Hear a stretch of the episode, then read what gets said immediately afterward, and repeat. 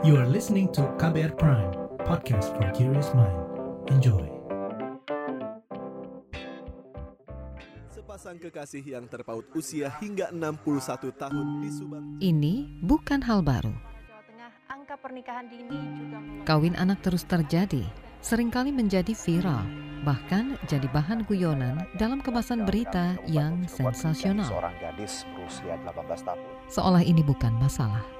Tapi, bagaimana rasanya kawin ketika masih di usia anak? Ya, gimana sih perasaan saya tuh sebenarnya hancur waktu itu hancur bisa naik sekolah Ya, pengen banget sekolah, lihat orang. Saya ajak kamu mendengar langsung suara mereka yang dikawinkan di usia anak. ibu sama bapak tetap paksa untuk menikah, saya tidak bisa memenuhi impian bapak ibu. Saya Malika, ini adalah Disclose, Dari mana serial podcast investigasi dari KBR. Yang penting saya mau ningkain cita-cita saya. Disclose, dipaksa kawin. Bisa disimak di KBR Prime, Spotify, dan aplikasi mendengarkan podcast lainnya.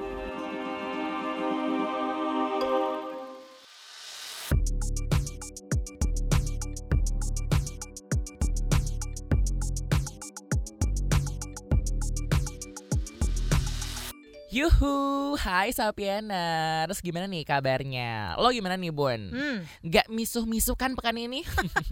belum. Ini gue tadi abis ini ya iseng tuh scrolling IG gitu terus kayak nemu video anak-anak jenius gitu loh bun. Kok bisa ya pinter-pinter banget nih orang-orang? Duh, kalau genius tuh yang paling familiar kita pasti sama Albert Einstein gak sih, Say? Di kisaran 160 sampai 190 gitu gak sih tingkat IQ-nya tuh? Kan seseorang tuh dikatain genius itu kalau misalnya IQ-nya tuh udah lebih dari 120 sampai 130, ya nggak? Hah, ah, kita berapa ya btw? Belum pernah nyoba sih. Gue yang pasti nggak genius Khawatir sih. below average. eh tapi nih ya terus gara-gara itu gak gua kan jadi iseng nih nyari orang-orang terjenius di dunia gitu bahkan melebihi Einstein loh Sapieners. Ini matematikawan dan investor asal uh, USA Edith Stern yang punya IQ melebihi 200 kebayang nggak loh? Masuk kuliah usianya 12 tahun. Terus ada juga nih Michael Kearney yang punya skor IQ-nya 200 sampai 325 dia mecahin rekor tuh sebagai pria termuda yang lulus dari universitas pada usia 10 tahun dan udah ngajar bun di universitas. Usianya tuh masih belasan. Buset sih, itu kayak kita umur 10 tuh masih ngapain ya? Main-main tanah gak sih?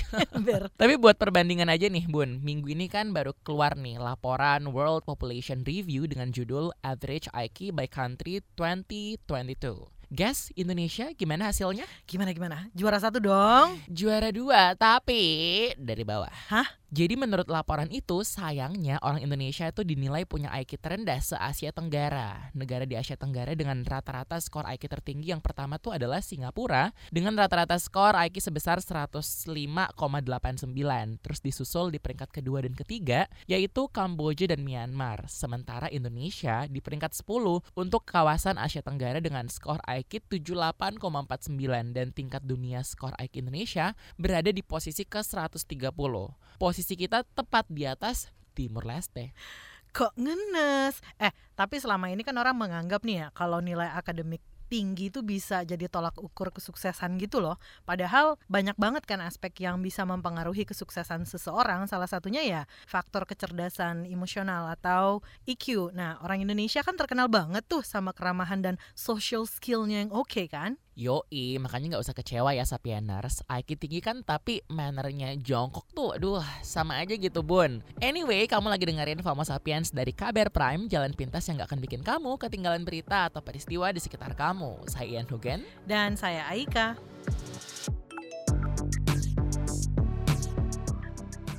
Eh Bun, beberapa hari lalu pas gua scrolling TikTok nih kan sempet ya lihat video bapak-bapak parubaya gitu yang berinisial N di Lombok NTB. Itu rame banget tau lu sempet lihat nggak? Mana sih? Itu yang dia baru nikahin ABG usia 17 tahun Yang itu loh ngomongnya tuh hantam terus yang malam Bangga gitu doi Ternyata doi ini udah pernah nikah 6 kali bun Dan sama ABG ini yang ketujuh Aduh speechless gak sih? Demi apa?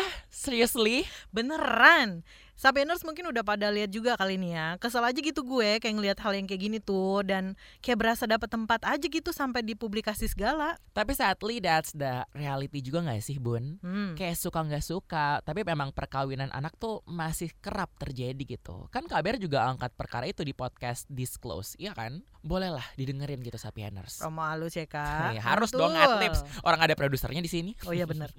Well, anyway, masih relate tuh sama yang lagi rame pekan ini Bun soal age gap relationship si so-called aktor tanah air. Deh, yang nyama-nyamain diri sama Leonardo DiCaprio, Gigi Hadid gitu. Eh, tapi iya lagi.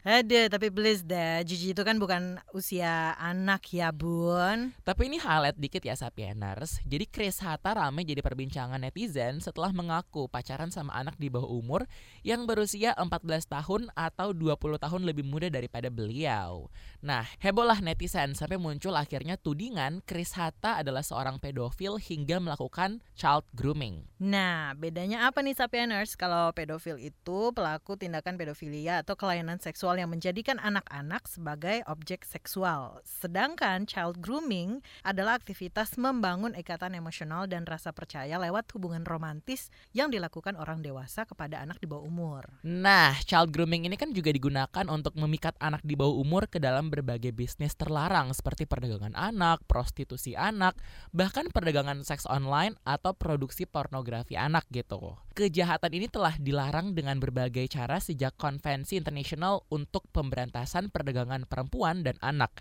yang disepakati tahun 1921 sebagai perjanjian multilateral. Nah, BTW ini Sapieners, National Society for the Prevention of Cruelty to Children atau NSPCC menyatakan kalau child grooming adalah upaya seseorang nih dalam membangun hubungan emosional dengan seorang anak lewat proses kayak manipulasi, eksploitasi sampai melecehkan. Nah, kasus child grooming ini dianggap sebagai jenis kejahatan seksual baru yang terjadi di Indonesia.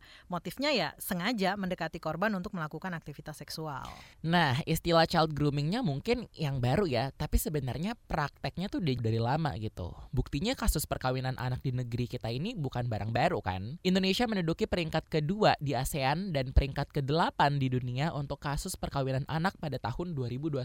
Nah, gimana nggak meradang nih berbagai pihak dengan contoh kasus viral seperti Chris Hatta tadi kan? Semisal kayak Komisioner Komisi Perlindungan Anak Indonesia KPAI, Retno Listiarti yang menyatakan kalau anak usia 14 tahun itu kan belum punya emosi yang stabil, plus belum mengetahui nih resiko dari hubungan percintaan yang sedang dijalaninya gitu. Nah, selain sang aktor, Retno juga mengkritik nih orang tua anak perempuan karena ngasih restu gitu. Dan ini kan jadi berpotensi eh, semacam glorifikasi perkawinan anak gitu loh, Bun.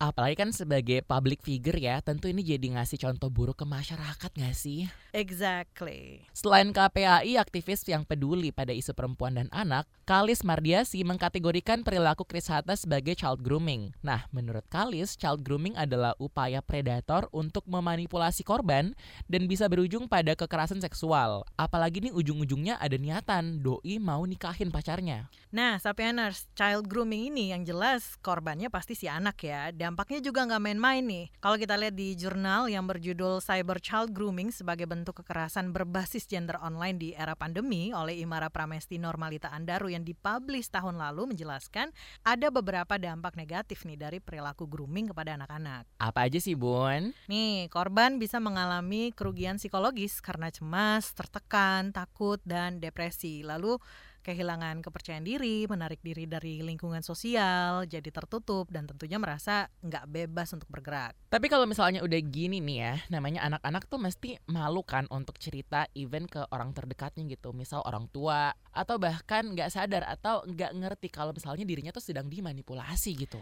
Ya lah bun, kita yang udah dewasa aja kadang nggak nyadar kan kalau terjebak dalam Itu toxic poinnya, relationship. Say. Eh, tapi gimana kita bisa tahu tuh kalau udah terjadi child grooming gitu. Ini kan kebetulan aja ya terbongkar sendirinya gitu. Gimana yang nggak ke blow up coba? Tapi ternyata child grooming itu ada tahapannya loh, Bun. Ya, meskipun kita berdua belum jadi orang tua nih ya, tapi minimal kita dapat dulu nih ilmunya nih, Bun. Nah, menurut Megan Yaledem, International Child Safety Institute ada enam tahapannya. Pertama, pelaku menargetkan calon korban semisal anak dengan konflik keluarga atau minim perlindungan orang tua. Kedua, pelaku berupaya membangun kepercayaan korban dengan belajar memahami kebutuhan korban hingga menjalin komunikasi yang dekat. Dilanjut dengan pelaku yang mengisi kebutuhan tersebut dengan ngasih hadiah atau perhatian lebih kepada korban. Hmm, I see. Terus terus? Tahap selanjutnya yaitu pelaku dan korban mulai menghabiskan banyak waktu bersama. Kelima, seksualisasi hubungan terjadi ketika pelaku mengenalkan hal yang berkaitan dengan konteks seksual seperti ngasih gambar, bikin percakapan dan situasi yang intim. Nah, keingintahuan korban kan dimanfaatkan nih oleh pelaku untuk mengontrol hubungan tersebut. Hmm, ternyata banyak ya. Terakhir, Bun, pelaku akan terus berusaha untuk menjaga hubungan itu. Apabila terjadi perilaku kekerasan seksual, maka pelaku akan bisa terus memanipulasi agar korban tidak menceritakan kejadian itu kepada orang lain. Makanya nih, orang tua atau orang terdekat kudu lebih aware dan selalu memperhatikan kondisi anak dengan membangun hubungan yang harmonis dengan anak untuk pencegahannya. Hmm, tapi kira-kira bakal dilanjut ke proses hukum gak nih ya kasus si abang tadi itu? Kan sebenarnya pemerintah Indonesia udah ngatur nih potensi pedofilia dalam Undang-Undang Perlindungan Anak di pasal 81 dan 82 Undang-Undang 35 tahun 2014. Kalau melanggar ini bisa dipidana paling lama 15 tahun penjara dan denda paling banyak 5 miliar rupiah. Hmm, moga-moga si abang ini lekas dapat hidayah ya. Emang mau kena azab. ini hubungannya mau dibawa ke mana ya pembicaraan ini ya? Kan dulu debutnya jadi aktor itu ya dari sinetron itu, Bun.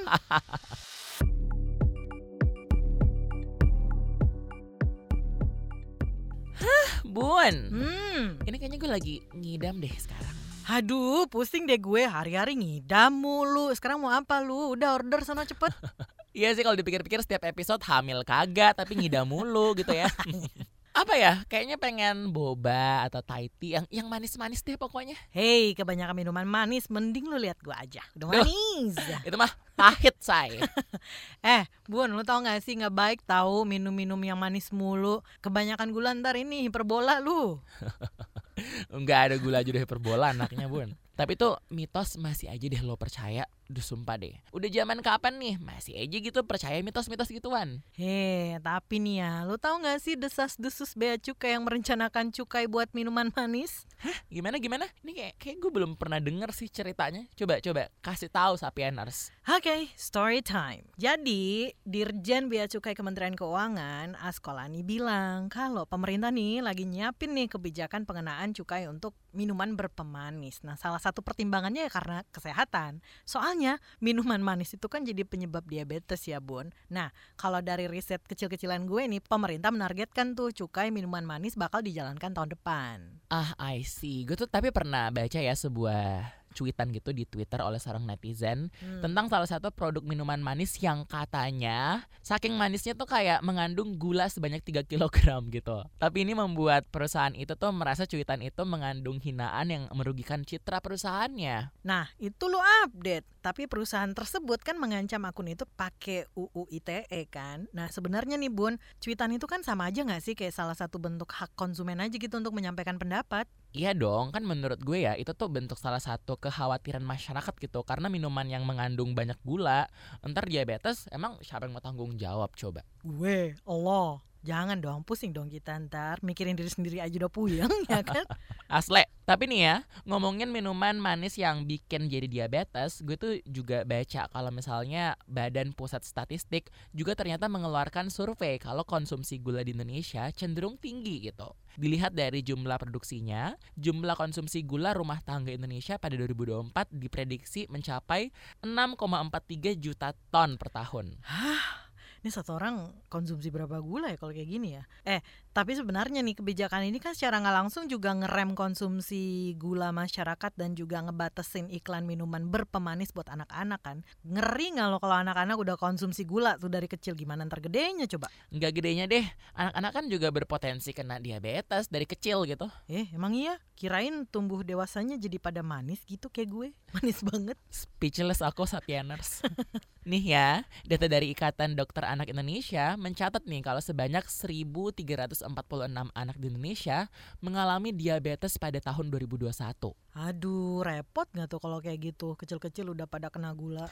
Makanya bun, pencegahan-pencegahan bahkan sejak dini tuh penting banget untuk dilakuin. Gak itu aja, Kementerian Kesehatan juga mencatat nih, 61,27% penduduk Indonesia berusia 3 tahun ke atas mengkonsumsi minuman manis lebih dari satu kali per hari loh. Hah, nggak kebayang tuh gue kalau orang kerjanya minum gula mulu tiap hari. Eh tapi menurut gue nih ya, sekarang kan pemerintah masih bahas-bahas tuh masalah cukai minuman manis. Nah penetapan ini perlu juga ngelihat pemulihan Indonesia dari segi ekonomi, semisal daya beli masyarakat juga kan? Iya sih setuju banget dan pemerintah juga harus menerapkan lah di waktu yang tepat gitu kira-kira. Kalau tadi lo bilang rencananya tahun 2023, pemerintah kayaknya harus lihat banyak faktor yang dihadapi di tahun depan dulu deh. Contohnya kayak faktor kesehatan, pemulihan ekonomi nasional, perkembangan global, dan juga pastinya pandemi COVID-19 ya. Wih, makin banyak aja nih PR-nya buat pemerintah. Asal nggak jadi cuman wacana doang. Ya kalau jadi wacana kita tunggu aja nanti pemerintah ada tindakan lagi apa enggak gitu.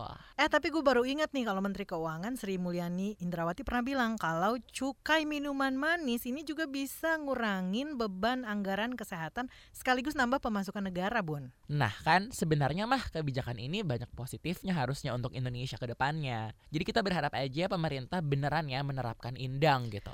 Amin ya guys ya. Nih, tambahan info nih dari gue nih. Sebenarnya konsumsi gula yang berlebih juga kan menyebabkan peningkatan penderita obesitas ya secara global sejak lo bayangin nih dari 1975 sampai 2020.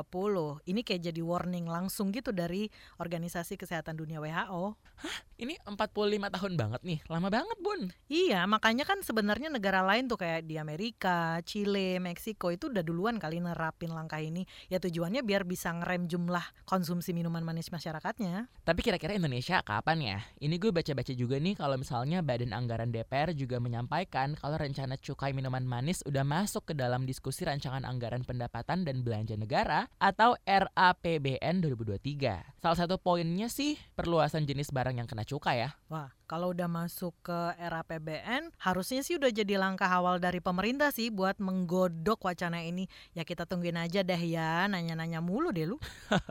Maaf deh kan gue kepo banget nih, nggak sabar gitu. Ih, terus ini jadi nggak nih mau pesen online gue jajanin nih mumpung air bulan. Duh, nggak jadi deh, ntar gue diabetes lagi. Habis gue jelasin aja baru nurut tuh, padahal tadi tapi sebenarnya boba juga enak sih. Duh, duh, nggak usah mancing deh. Tiga gelas ya, tiga.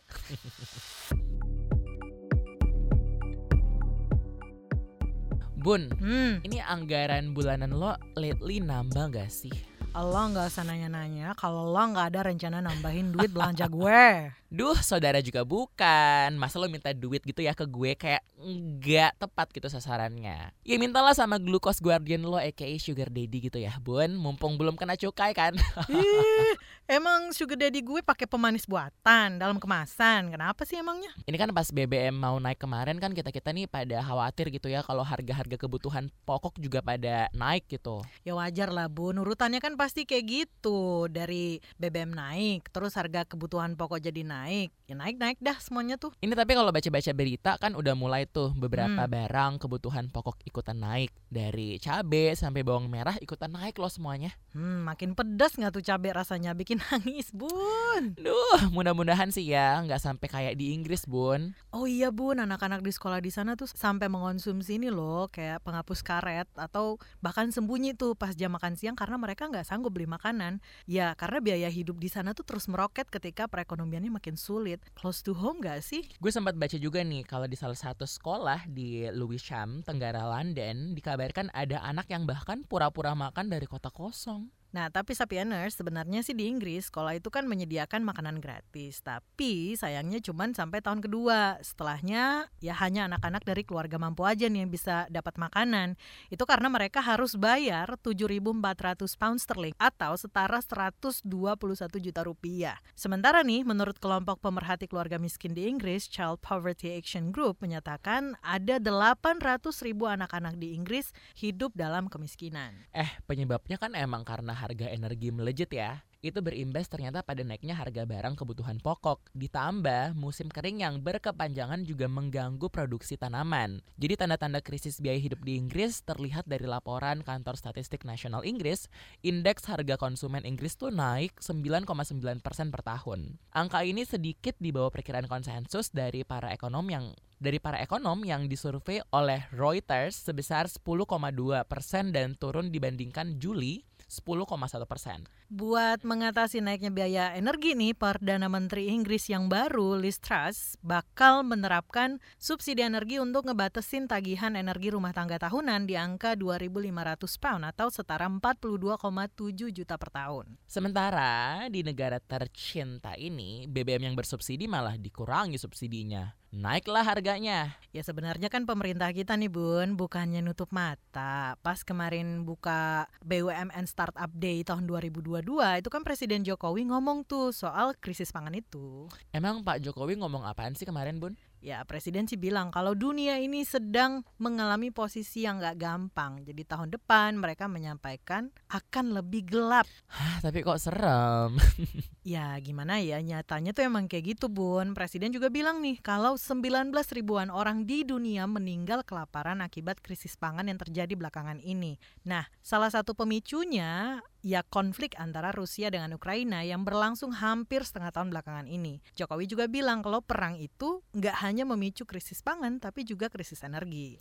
Contohnya ya seperti Inggris gitu. Emang banyak negara di Eropa yang mengalami hal serupa. Biaya energi makin naik, lebih-lebih nih, bentar lagi kan masuk musim dingin ya. Artinya pemakaian gas untuk pemanas ruangan makin banyak kan? Eh, tapi terus nih, kan pemerintah udah tahu soal kemungkinan krisis pangan dan energi ini. Biar nggak sampai krisis di Indonesia tuh, pemerintah kira-kira bakal ngapain sih? Nah, Presiden minta jajarannya nih untuk menjadikan masalah ini sebagai peluang yang bisa dimanfaatkan pelaku usaha dalam negeri, terutama di tengah perkembangan ekonomi digital dalam negeri belakangan ini. Saat ini persentase terbesar ekonomi digital masih dikuasai fintech yang proporsinya tuh mencapai 23 persen dan retail yang mencapai 14 persen. Sementara untuk yang bergerak di bidang pangan dan pertanian itu baru mencapai 4 persen.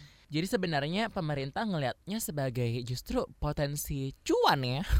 Baik gitu. hmm, Tapi logis loh itu, kan balik-baliknya nanti ke pemilik modal. Eh, maksud gue masyarakat juga kan? Nah, kalau itu aku masih kinda apa ya, meragu sih, Bun. Menurut gue sih kalau misalnya sampai Indonesia krisis pangan itu aneh gitu. Ada banyak pilihan pengganti bahan makanan pokok seperti gandum atau bahkan beras kan. Pilihan lainnya kan banyak, Bun. Uh, banyak banget. Bener tuh, Presiden juga ngomong sih soal itu. Tapi lewat akun IG-nya, Presiden bilang kalau kita perlu nyiapin rencana-rencana besar untuk menghadapi krisis pangan. Salah satunya ya dengan memanfaatkan alternatif bahan pangan. Dan kita emang punya banyak banget pilihan. Kan Indonesia nggak hanya punya beras, tapi juga punya jagung, sagu, terus tanaman lama kita, sorghum. Nah, FYI Sapienar, sorghum ini disebut sebagai tanaman emas nih. Itu karena dari biji, tangkai biji, daun batang, daun, batang, dan akar, semua itu bisa dimanfaatkan sebagai bahan baku industri, mulai menjadi makanan seperti sirup, gula, kerajinan tangan, pati, biomas, bioetanol, dan tepung pengganti terigu bahkan. Ya meskipun asalnya dari Afrika Timur ya, tapi sorghum ini bisa dengan mudah loh tumbuh di